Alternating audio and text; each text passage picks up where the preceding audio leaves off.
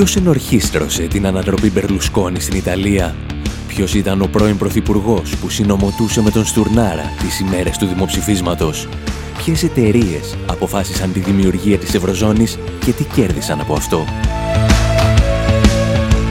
Οι δημιουργοί των ντοκιμαντέρ «Χρεοκρατία», «Καταστρόικα» και «Φασισμός ΑΕ» επιστρέφουν με μια νέα παραγωγή. This is not a coup. Δεν ήταν πραξικόπημα, είναι η Ευρωπαϊκή Ένωση. Μάθε πώς μπορείς να βοηθήσεις και εσύ την ολοκλήρωση του ντοκιμαντέρ στη διεύθυνση infowarproductions.com Η διεύθυνση infopavlawar.gr Η εκπομπή Infowar με τον Άρη Χατζηστεφάνου.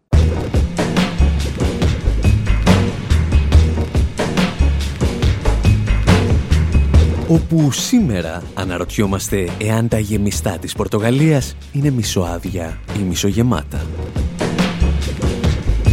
Παρακολουθούμε τους νικητές των πρόσφατων εκλογών να καταποντίζονται και την αριστερά να ξαναβρίσκει το βηματισμό της περπατώντας σε αντίθετη κατεύθυνση από την Ευρωπαϊκή Ένωση και την Ευρωζώνη.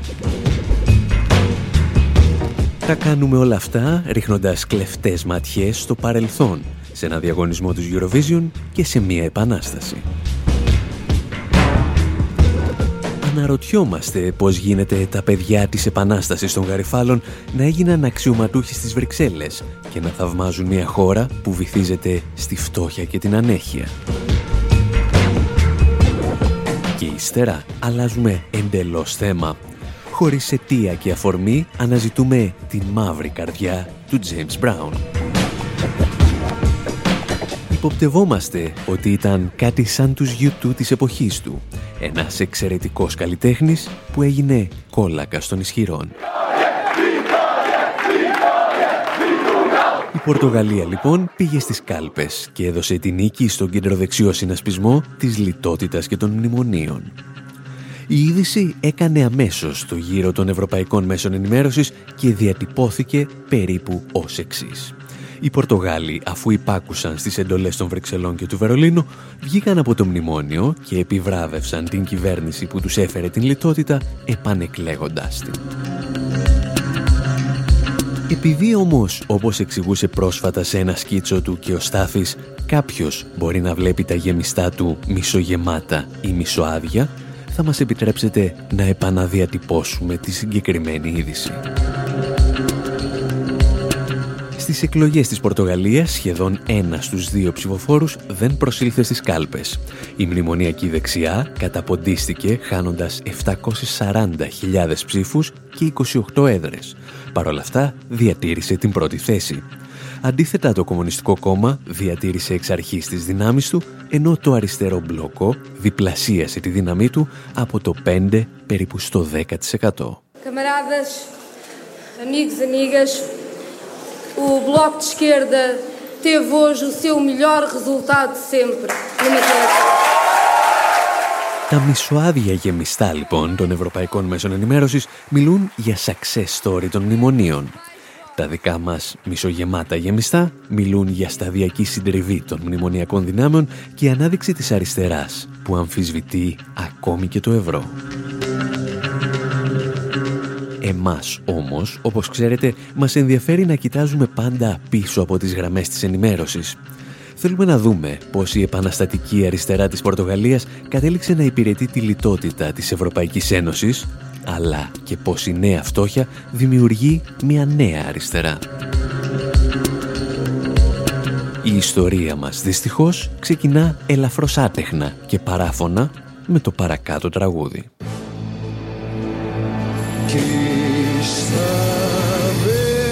Quem sou, o que faço aqui. Quem me abandonou, de quem me esqueci.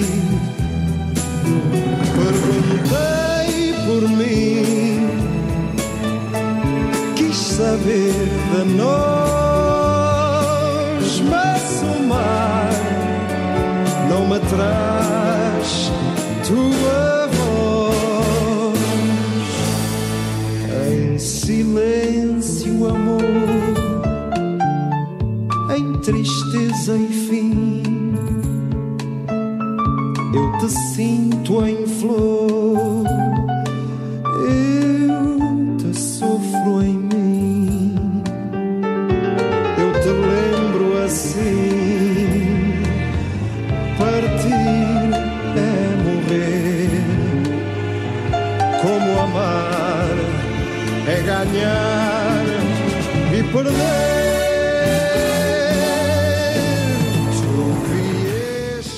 Στίχοι του τραγουδιού είναι εξίσου αειδιαστικά ξενέρωτοι με τη μουσική του και δεν θα μπορούσε να είναι διαφορετικά αφού το άσμα που ακούτε αποτέλεσε την επίσημη συμμετοχή της Πορτογαλίας στο διαγωνισμό τραγουδιού της Eurovision του 1974.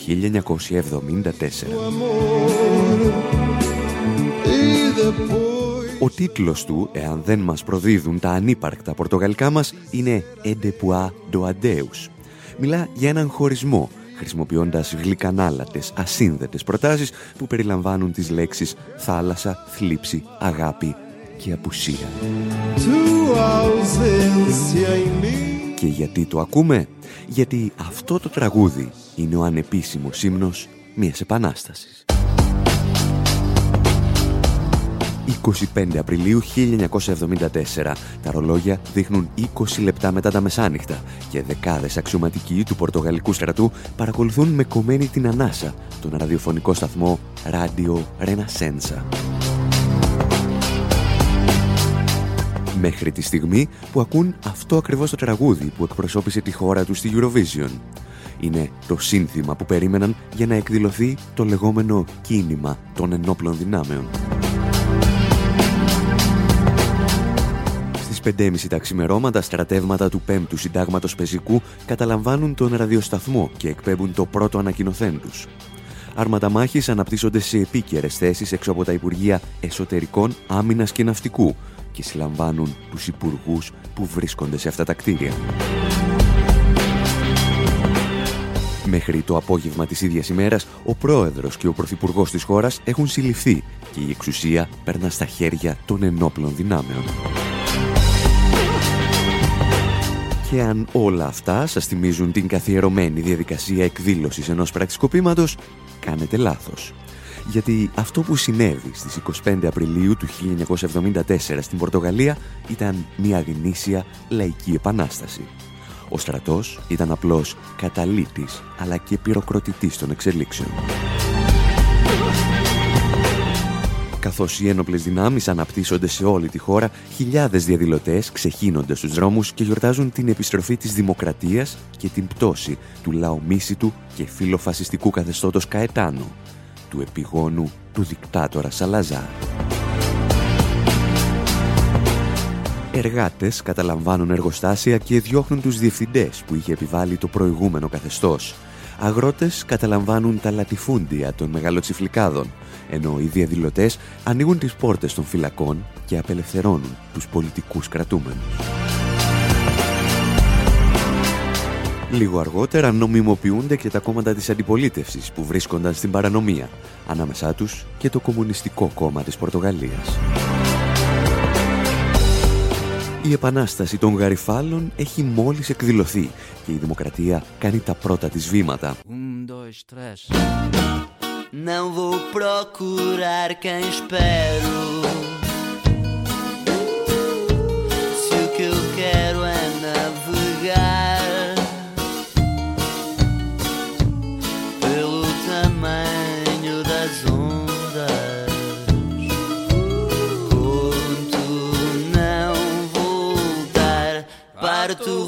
a primavera. que em meu fundo se escondeu. Esqueço tudo do que eu sou capaz. Hoje o mar sou eu. Esperam-me ondas que persistem.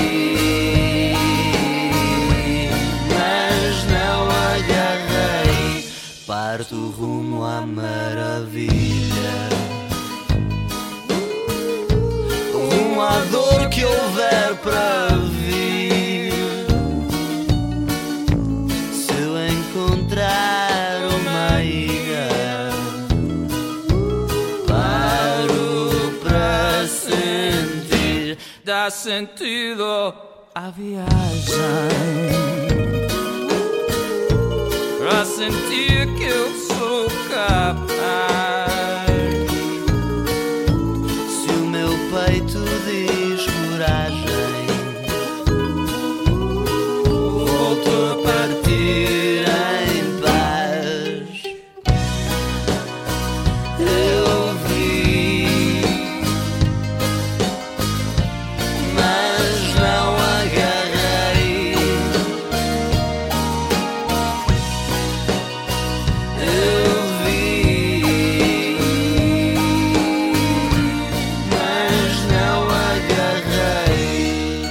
Η ορνάτος Βιολέτα που ακούμε εδώ είναι ίσως αυτό που ο Πορτοκάλογλου θα αποκαλούσε της μεταπολίτευσης χαμένη γενιά.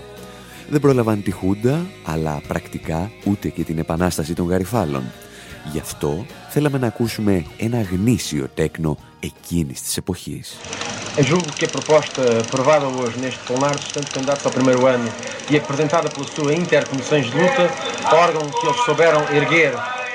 Ο κύριος που ακούτε ονομάζεται Ζωζέ Μανουέλ Μπαρόζο και εδώ τον ακούμε σε μια σπάνια συνέντευξη από το 1976, δύο χρόνια δηλαδή μετά την επανάσταση των Γαριφάλων στην Πορτογαλία. Έχει μόλις κατέβει από τα έδρανα μιας φοιτητικής συνέλευσης και αν δεν πολύ καταλαβαίνετε τι λέει, επιτρέψτε μας να σας μεταφράσουμε. Está- que está no Ministério da Educação e da Investigação Científica, chamemos-lhe assim, Τα προβλήματα στα πανεπιστήμια είναι σύμπτωμα του εκπαιδευτικού συστήματος της μπουρζουαζίας. Η πολιτική του Υπουργείου στρέφεται ενάντια στο προλεταριάτο και το λαό της Πορτογαλίας. Στρέφει τους φοιτητές εναντίον των εργατών και τους εργάτες εναντίον των φοιτητών. Ο Μπαρόζο δήλωνε τότε μαοϊκός και την έβγαινε στο Κομμουνιστικό Κόμμα Πορτογαλίας από τα αριστερά. Ήταν όμως ένας από εκείνους τους μαοϊκούς που τους πήρε το ποτάμι ή κάποιο ανάλογο νεοφιλελεύθερο μόρφωμα. Μερικές δεκαετίες αργότερα, ο ίδιος άνθρωπος θα γινόταν επικεφαλής της χειρότερης κοινωνικής κρεατομηχανής που έχει γνωρίσει η Ευρωπαϊκή Ήπειρος από το τέλος του Δευτέρου Παγκοσμίου Πολέμου. Αυτό που κάποιοι αποκαλούν Ευρωπαϊκή Ένωση και κάποιοι άλλοι το σπίτι των λαών. Από το 1976 βέβαια έχουν περάσει αρκετά χρόνια, τόσα ώστε η Πορτογαλία της Επανάστασης των Γαριφάλων να γίνει το αγαπημένο παιδί των Ευρωπαίων Κομισάριων και των επικεφαλής του Eurogroup. Και αν θυμάστε, όποτε ο κύριος Ντάισελμπλουμ προσπαθεί να εξηγήσει στους Έλληνες ότι είναι ένα μάτσο τεμπέλικα θρασίμια και πως ο κόσμος του θα ήταν καλύτερος χωρίς αυτούς, χρησιμοποιεί σαν αντιπρόταση το παράδειγμα της Πορτογαλίας. Portugal is demonstrating how quickly a country can be back on its own two Η feet. Πορτογαλία αποδεικνύει πόσο γρήγορα μπορεί μια χώρα να ξανασταθεί στα δικά της πόδια ύστερα από επιτυχημένα προγράμματα οικονομικής προσαρμογής, εάν υπάρχει σαφής δέσμευση στις ακολουθούμενες μεταρρυθμίσεις. Ownership and commitments to ongoing reforms. Ή στο άκουσμα του νεότερου ανακοινοθέντος της γερμανικής διοικήσεως, δεκάδες νεοφιλελεύθεροι αναλυτές, πολιτικοί και δημοσιολόγοι άρχισαν να εξυμνούν τη Λισαβόνα. Μια περιοχή του πλανήτη που τα κατάφερε, όπως λένε, υπακούοντας τις εντολές της Κομισιόν. Μεταξύ αυτών και ο Γεώργιος Κίρτσος της Νέας Δημοκρατίας και παλαιότερα του φιλοχουντικού και αντισημιτικού Λάος. Ο άνθρωπος που την τελευταία φορά που μίλησε σε ευρύ κοινό στις Βρυξέλλες δήλωσε κατά λέξη ότι εάν δεν συμμορφωθούμε, σε λίγο θα παρακαλάμε να έρθει στην Ελλάδα ένας οικονομικός δικτάτορας. Εάν είχαμε βγει και εμείς από το μνημόνιο, εάν είχαμε εφαρμόσει σωστά το πρόγραμμα προσαρμογής, εάν είχαμε την ταχύτητα και την αποτελεσματικότητα των Ιρλανδών και των, Πορτογάλων, και των Πορτογάλων, θα μπορούσαμε να, κάνουμε ανάλογες, να πάρουμε ανάλογες πρωτοβουλίες, μειώνοντας το κόστος διαχείρισης του χρέους. Για να επιμένουν όμως τόσοι πολλοί άνθρωποι ότι η Πορτογαλία είναι ένα παιδί θαύμα το οποίο πέταξε μακριά μνημόνια και τρόικες, μήπως έχουν δίκιο. Η δική μας άποψη είναι ότι η Πορτογαλία είναι η τελευταία απικία της Αγγόλας. Αλλά θελήσαμε να πάρουμε γι' αυτό και μια δεύτερη γνώμη. Τα εξηγούσε μιλώντας στην εκπομπή μας ο Χόρχε Κώστα, δημοσιογράφος και συγγραφέας από την Πορτογαλία. These days, this kind of propaganda, the Portuguese government placed itself as a Τις τελευταίες ημέρες, αυτού του είδους η προπαγάνδα είναι το δώρο της κυβέρνησής μας προς τη Μέρκελ και τον Σόιμπλε. Η Πορτογαλία έκανε απλώ ένα swap στα ομόλογα των δανείων και αυτή η επιχείρηση παρουσιάζεται σαν ανάκαμψη ή σαν ένα success story. Το χρησιμοποιούν σαν επιχείρημα εναντίον της Ελλάδας για να πούν ότι εμείς είμαστε καλοί μαθητές σε αντίθεση με τους τεμπέληδες τους Έλληνες. Παράλληλα όμως χρησιμοποιούν την ίδια προπαγάνδα και στο εσωτερικό της Πορτογαλίας. Θέλουν να πούν ότι αφού η Ευρωπαϊκή Ένωση επιτίθεται τώρα στην Ελλάδα, σημαίνει ότι εμείς στην Πορτογαλία κάναμε σωστές επιλογές. Οι Ευρωπαίοι όμως χτυπούν την Ελλάδα γιατί προωθούν μια εξτρεμιστική μορφή νεοφιλελευθερισμού. Όσα λέει η Πορτογαλική κυβέρνηση δεν συνάδουν με τα συναισθήματα του κόσμου. Πρόσφατες έρευνες έδειξαν ότι ο κόσμος εδώ στερίζει τη στάση της ελληνικής κυβέρνησης και πιστεύει ότι η Ευρωπαϊκή Ένωση πρέπει να τη βοηθήσει να αναπτυχθεί. Europe should grant conditions so that the Greek economy could recover. Εάν όμως κύριε Κώστα μου όλοι οι φιλοευρωπαίοι του Ντουνιά λένε ότι εσείς τα πάτε καλά και εμείς όχι, τι στοιχεία έχετε για να αποδείξετε ότι η πολιτική λιτότητας απέτυχε στη χώρα σας; The most unhuman and the, the most uh, serious effects of the austerity policies ένα από τα πιο απάνθρωπα και σοβαρά αποτελέσματα της πολιτικής λιτότητας είναι η μαζική ανεργία, η οποία συνήθως είναι και μακράς διαρκείας. Τουλάχιστον 300.000 νέοι άνθρωποι σε μια χώρα 10 εκατομμυρίων αναγκάστηκαν να μεταναστεύσουν. Ουσιαστικά πελάθηκαν από τη λιτότητα. Παράλληλα όμως βλέπουμε τις δημόσιες υπηρεσίες να καταραίουν. Τα σχολεία για πρώτη φορά άνοιξαν χωρίς δασκάλους στις θέσεις τους. Τις τελευταίες εβδομάδες ζούμε εικόνες απόλυτης αποδιοργάνωσης στις μονάδες επιγόντων περιστατικών σε όλη τη χώρα. Το σύστημα πληροφορικής των δικαστηρίων κατέρευσε μαζί με πολλές υπηρεσίες πρόνοιας λόγω των περικοπών στον αριθμό των δημοσίων υπαλλήλων.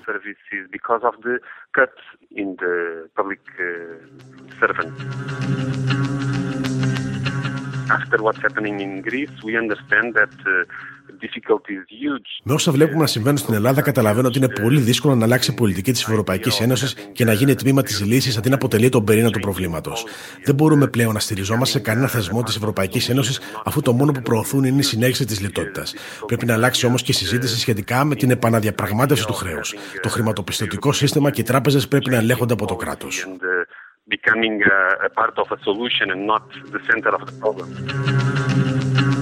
Αυτά μας έλεγε λοιπόν ο Χόρχε Κώστα πριν από μερικούς μήνες με την ιδιότητα ακόμη του δημοσιογράφου. Μετά τις τελευταίες εκλογές είναι πλέον βουλευτής του κόμματος Μπλόκο και αν κρίνουμε από τις θέσεις του κόμματός του, μάλλον σκλήρινε παρά άμβλυνε τις θέσεις του για την Ευρωπαϊκή Ένωση. Όποιο και αν είναι πάντως το αποτέλεσμα των κοινοβουλευτικών διαδικασιών στην Πορτογαλία, υπάρχει μια νέα πραγματικότητα που ίσως σηματοδοτεί το πραγματικό τέλος της μεταπολίτευσης από την Επανάσταση των Γαριφάλων. Οι πολίτες με την αποχή στις εκλογές απομακρύνονται από την κοινοβουλευτική διαδικασία. Η πολιτική αντιπαράθεση επανέρχεται στους δρόμους και αν αυτό είναι θετικό ή αρνητικό, εξαρτάται μάλλον από το αν βλέπετε τα γεμιστά σας μισοάδια ή μισογεμάτα. Μπορείτε να το σκεφτείτε στο σύντομο διάλειμμα που ακολουθεί, καθώς προετοιμαζόμαστε για το δεύτερο μέρος της εκπομπής με ένα αφιέρωμα στον James Brown. Πάντα χωρίς αιτία και αφορμή.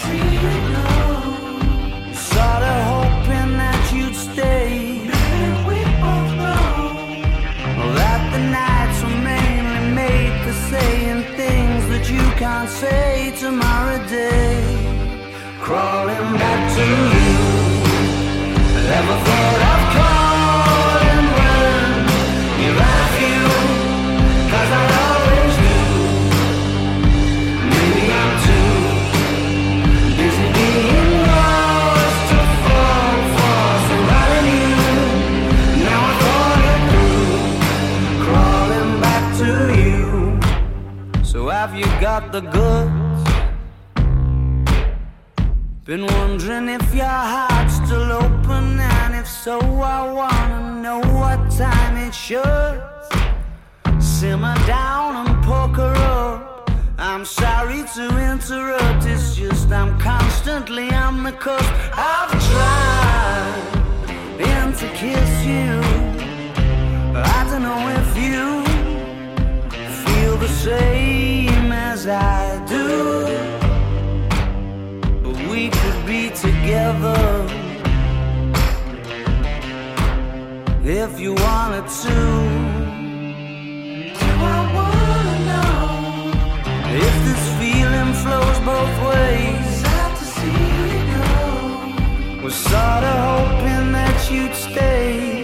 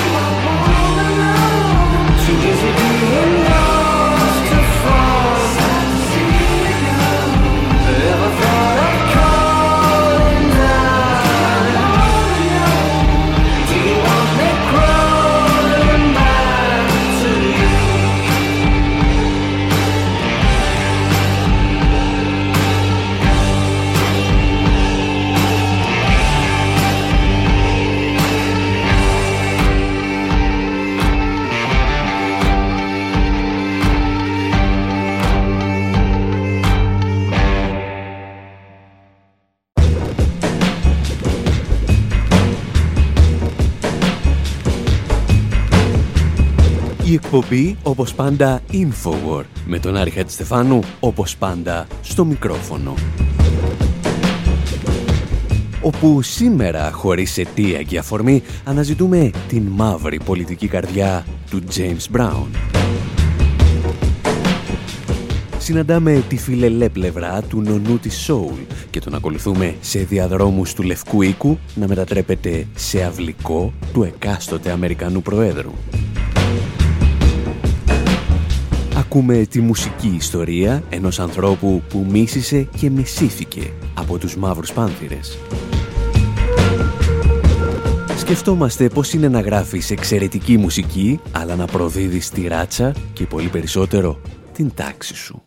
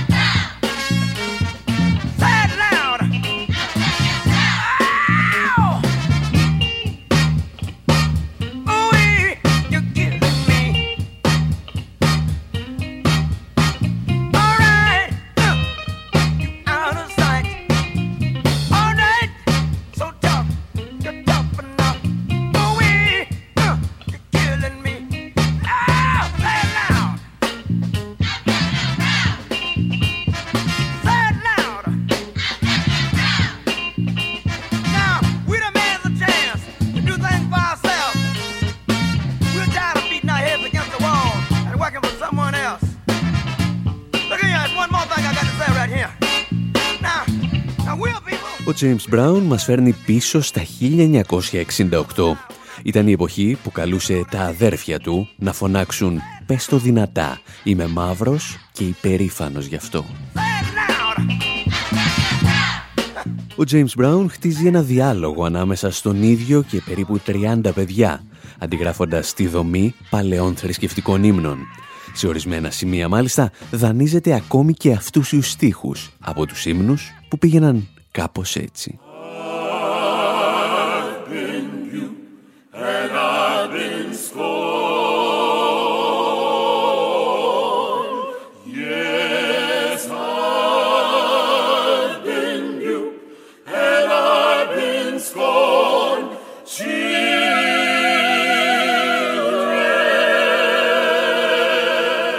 Μέσα σε ελάχιστο χρονικό διάστημα, το Say It Loud γίνεται ο άτυπος ύμνος του κινήματος για τα δικαιώματα των μαύρων στις Ηνωμένες Πολιτείες. Μιλά για τις επιθέσεις και τις δολοφονίες της αστυνομίας, την φτώχεια των γκέτο, αλλά και τη δουλεία, η οποία συνεχίζεται ελαφρώς μόνο μεταμορφωμένη στη σύγχρονη Αμερική. Και ο James Brown θα συνδέει πάντα αυτό το τραγούδι και με το περίφημο «I don't want nobody to give me nothing». Τον ακούμε και επιστρέφουμε.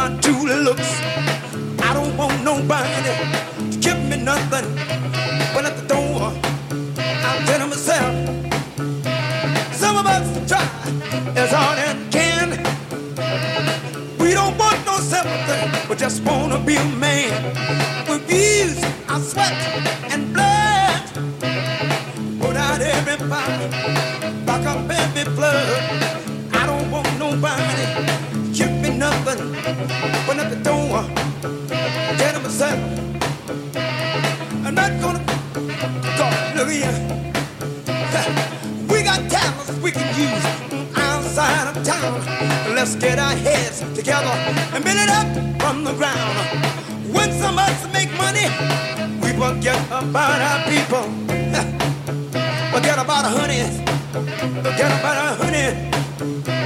Look at you now. Look at him.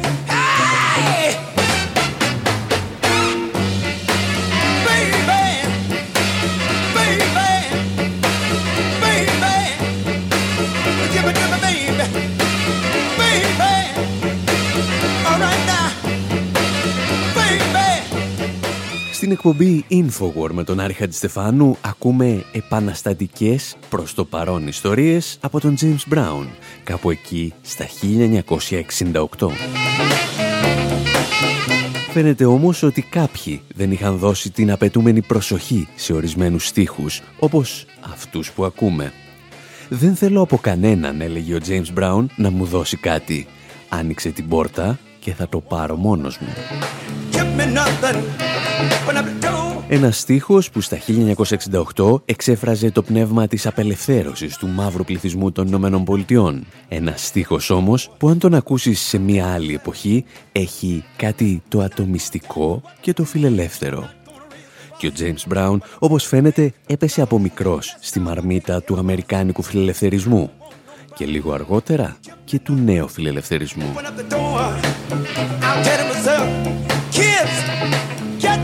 education.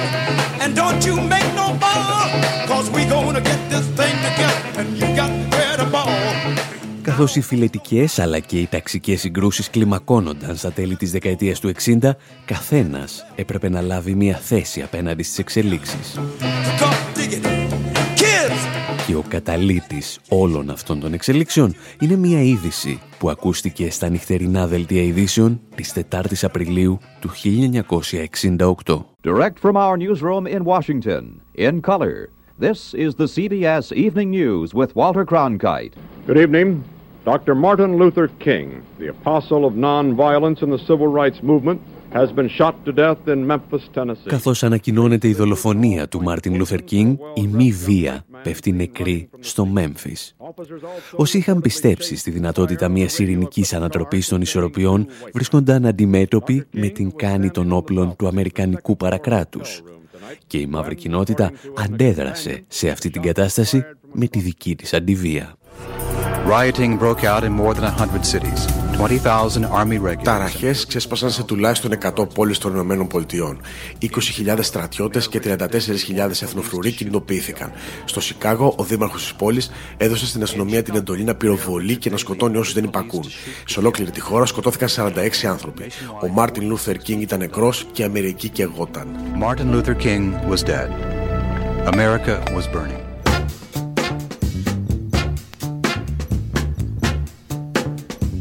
Watch me! Watch me! I got it! Watch me! I got it! Hey! I got something that makes me want to shout. I got something that tells me what it's all about.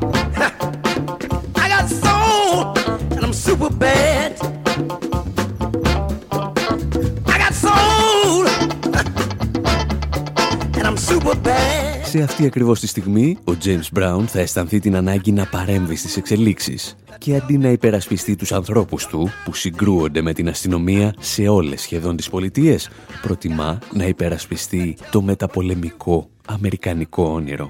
Education is the answer. Know what you're talking about. Be qualified. Be ready.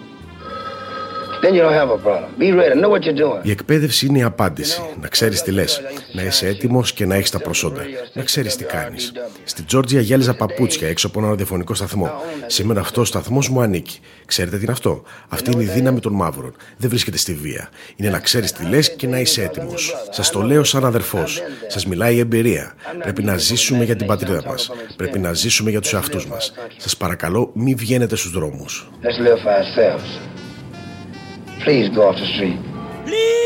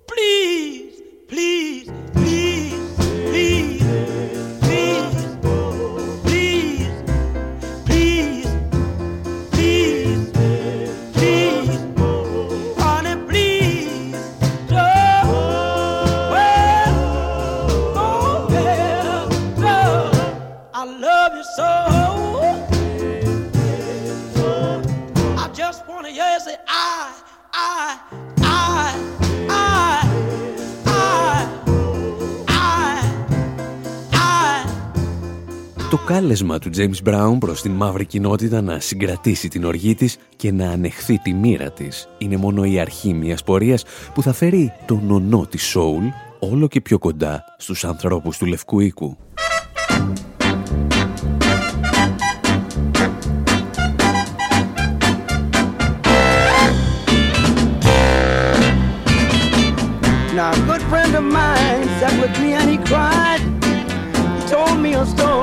I know he hadn't lied. He said he went for a job, and this a man said, Without an education, you might as well be dead. Now don't get me wrong, he said it's not who you are. But people come to me from a near and a far. But I do just work and I follow the rules. I didn't have an education, so I had to go back to school. My friend told all his buddies that he loved so well. And of their personal troubles, I will not tell. Now those guys didn't seem good, and they didn't seem bad. They didn't seem so happy, and I know they weren't sad. But the point isn't that they follow the rules. They got an education, and they all finished school. Now underneath his tears, I could see the true fact. When he dropped out of school, he never, never went back. Got to, got to, got to listen now, now. What he said. Without an education, might as well be dead. Look at him. So one day he got Την ίδια περίπου εποχή, ο James Brown παίρνει το τραγούδι του Don't Be Dropped Down που έχει γράψει για να πείσει τα παιδιά να τελειώνουν το σχολείο και πηγαίνει στον αντιπρόεδρο των Ηνωμένων Πολιτειών, Hubert Humphrey. and Απέναντι σε μια Αμερική που πετάει στο καλάθι των αχρήστων τα ασθενέστερα και πιο απροστάτευτα τμήματα του πληθυσμού, ο James Brown πιστεύει ότι η εκπαίδευση από μόνη της μπορεί να αλλάξει τους ταξικούς συσχετισμούς. And his kids all out of sight. Tell me one more time. Και φυσικά για αυτές τις ιδέες του βρίσκει ένα λαμπρό σύμμαχο στο πρόσωπο του Hubert Humphrey. I feel good. I knew that I wouldn't. I feel good. I knew that I wouldn't. So good, so good. I got you. Wow, I feel nice. A sugar and spice. I feel nice like sugar and spice.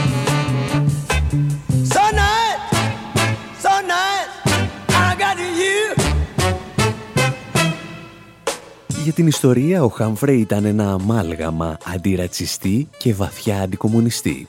Προωθούσε νομοσχέδια για τα ατομικά δικαιώματα των μαύρων, ενώ παράλληλα ζητούσε να αποτελεί ο κομμουνισμός ιδιώνυμο αδίκημα. Τα μέλη του Κομμουνιστικού Κόμματος, έλεγε, πρέπει να οδηγούνται απευθείας στη φυλακή. Σε άλλες χώρες χρειάστηκαν δεκαετίες για να βρεθούν στην εξουσία αντιρατσιστές αντικομουνιστές.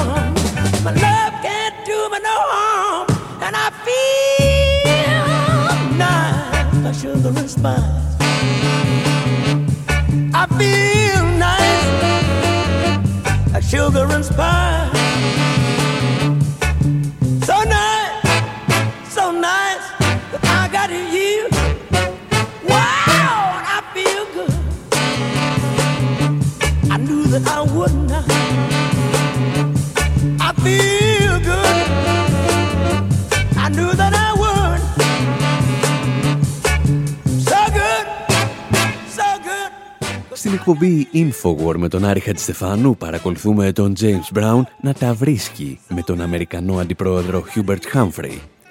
Και εκεί, στα 1968, αποφασίζει να του δώσει και το καλλιτεχνικό του χρήσμα για τις προεδρικές εκλογές. Τώρα, το γιατί να δίνει ένας τραγουδιστής το χρήσμα του σε έναν υποψήφιο πρόεδρο είναι κάτι που μόνο στην Αμερική της πολιτικής του υπερθεάματος μπορούν να σας εξηγήσουν.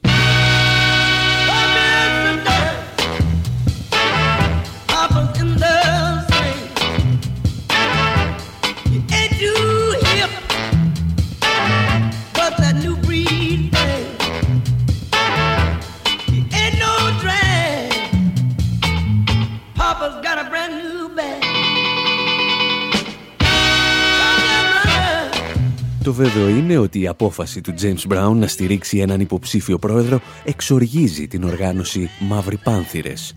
Την οργάνωση που εκείνη την εποχή αρχίζει να δέχεται την ολομέτωπη επίθεση του Αμερικανικού κράτους και του παρακράτους. Τα πιο μαχητικά τμήματα του κινήματος για τα δικαιώματα των μαύρων βλέπουν στο πρόσωπο του James Brown έναν προδότη και τον αποκαλούν πουλημένο αδερφό νούμερο ένα. Και αυτός, λες και θέλει να τους αποδείξει ότι έχουν απόλυτο δίκιο, συνεχίζει να εμπλέκεται με τον ίδιο τρόπο στην πολιτική. Το 1972 έχει έρθει η σειρά του Ρίτσαρντ Νίξον να βάλει τον James Brown στην αυλή του. Ο νονός της Soul εκφράζει ανοιχτά τη στήριξή του στον υποψήφιο πρόεδρο. Mr. Brown, why are you endorsing President Nixon?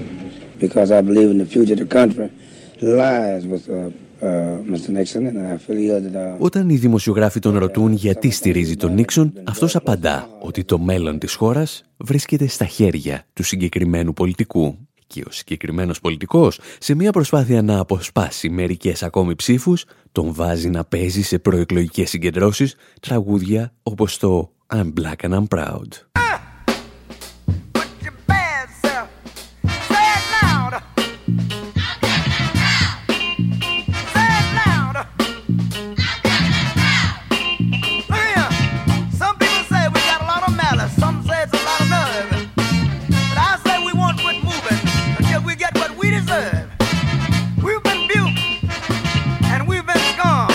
Ο άνθρωπος που τραγουδούσε τον άτυπο ύμνο για το κίνημα των δικαιωμάτων των μαύρων βρισκόταν πλέον στο πλευρό του Προέδρου που θα αναλάμβανε να εξοντώσει τις πιο μαχητικές οργανώσεις των μαύρων. Ίσως γι' αυτό οι Μαύροι Πάνθυρες και άλλες οργανώσεις άρχισαν να μποϊκοτάρουν τις συναυλίες του James Brown και να του φωνάζουν κάτι περίεργα συνθήματα όπως James Brown, Nixon's Clown. Ο James Brown είναι ο κλόουν του Nixon και Get the Clown Out of Town. Πετάξτε τον κλόουν έξω από την πόλη.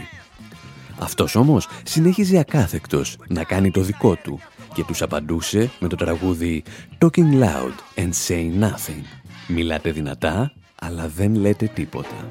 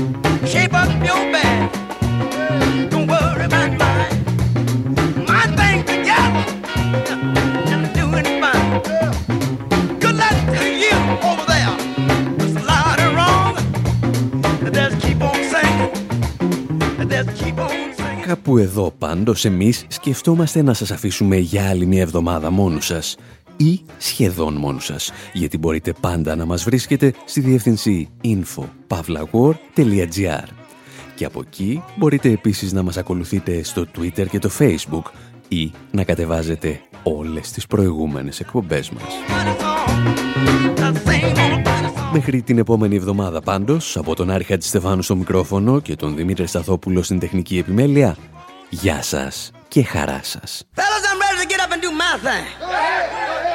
I want to get into it, man, you know. Like a, like a sex machine, man. Moving, doing it, you know. Can I count it off? One, two, three, four. Get up, get on up, get up, get on up. Stay on the scene, get on up. Like a sex machine, get on up, get up,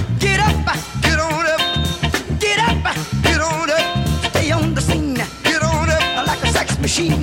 Get on up, get up, get on up, stay on the scene. Get on up, like a sex machine. Get on up, wait a minute, shake your arm, then use your palm.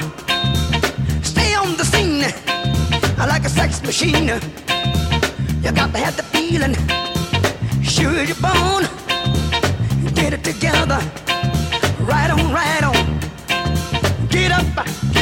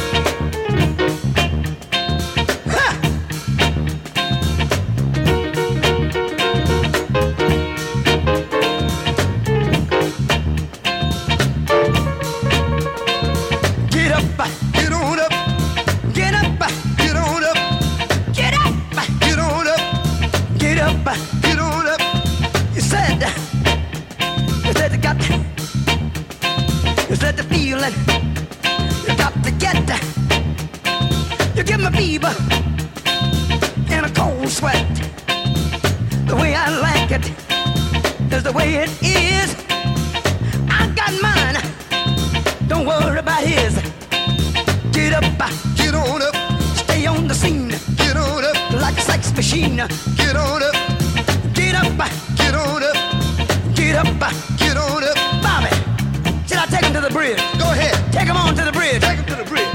Can I take him to the bridge? Yeah. Take him to the bridge. Yeah. Hit me now. Come on. Stay on the scene like a sex machine. The way I like it is the way it is. I got mine. Dig it. He's got his. Stay on the scene loving machine. Stay on the scene like a loving machine. Stay on the scene. I wanna count it off one more time, yeah. Go ahead. You wanna hear like you did on the top, fellas?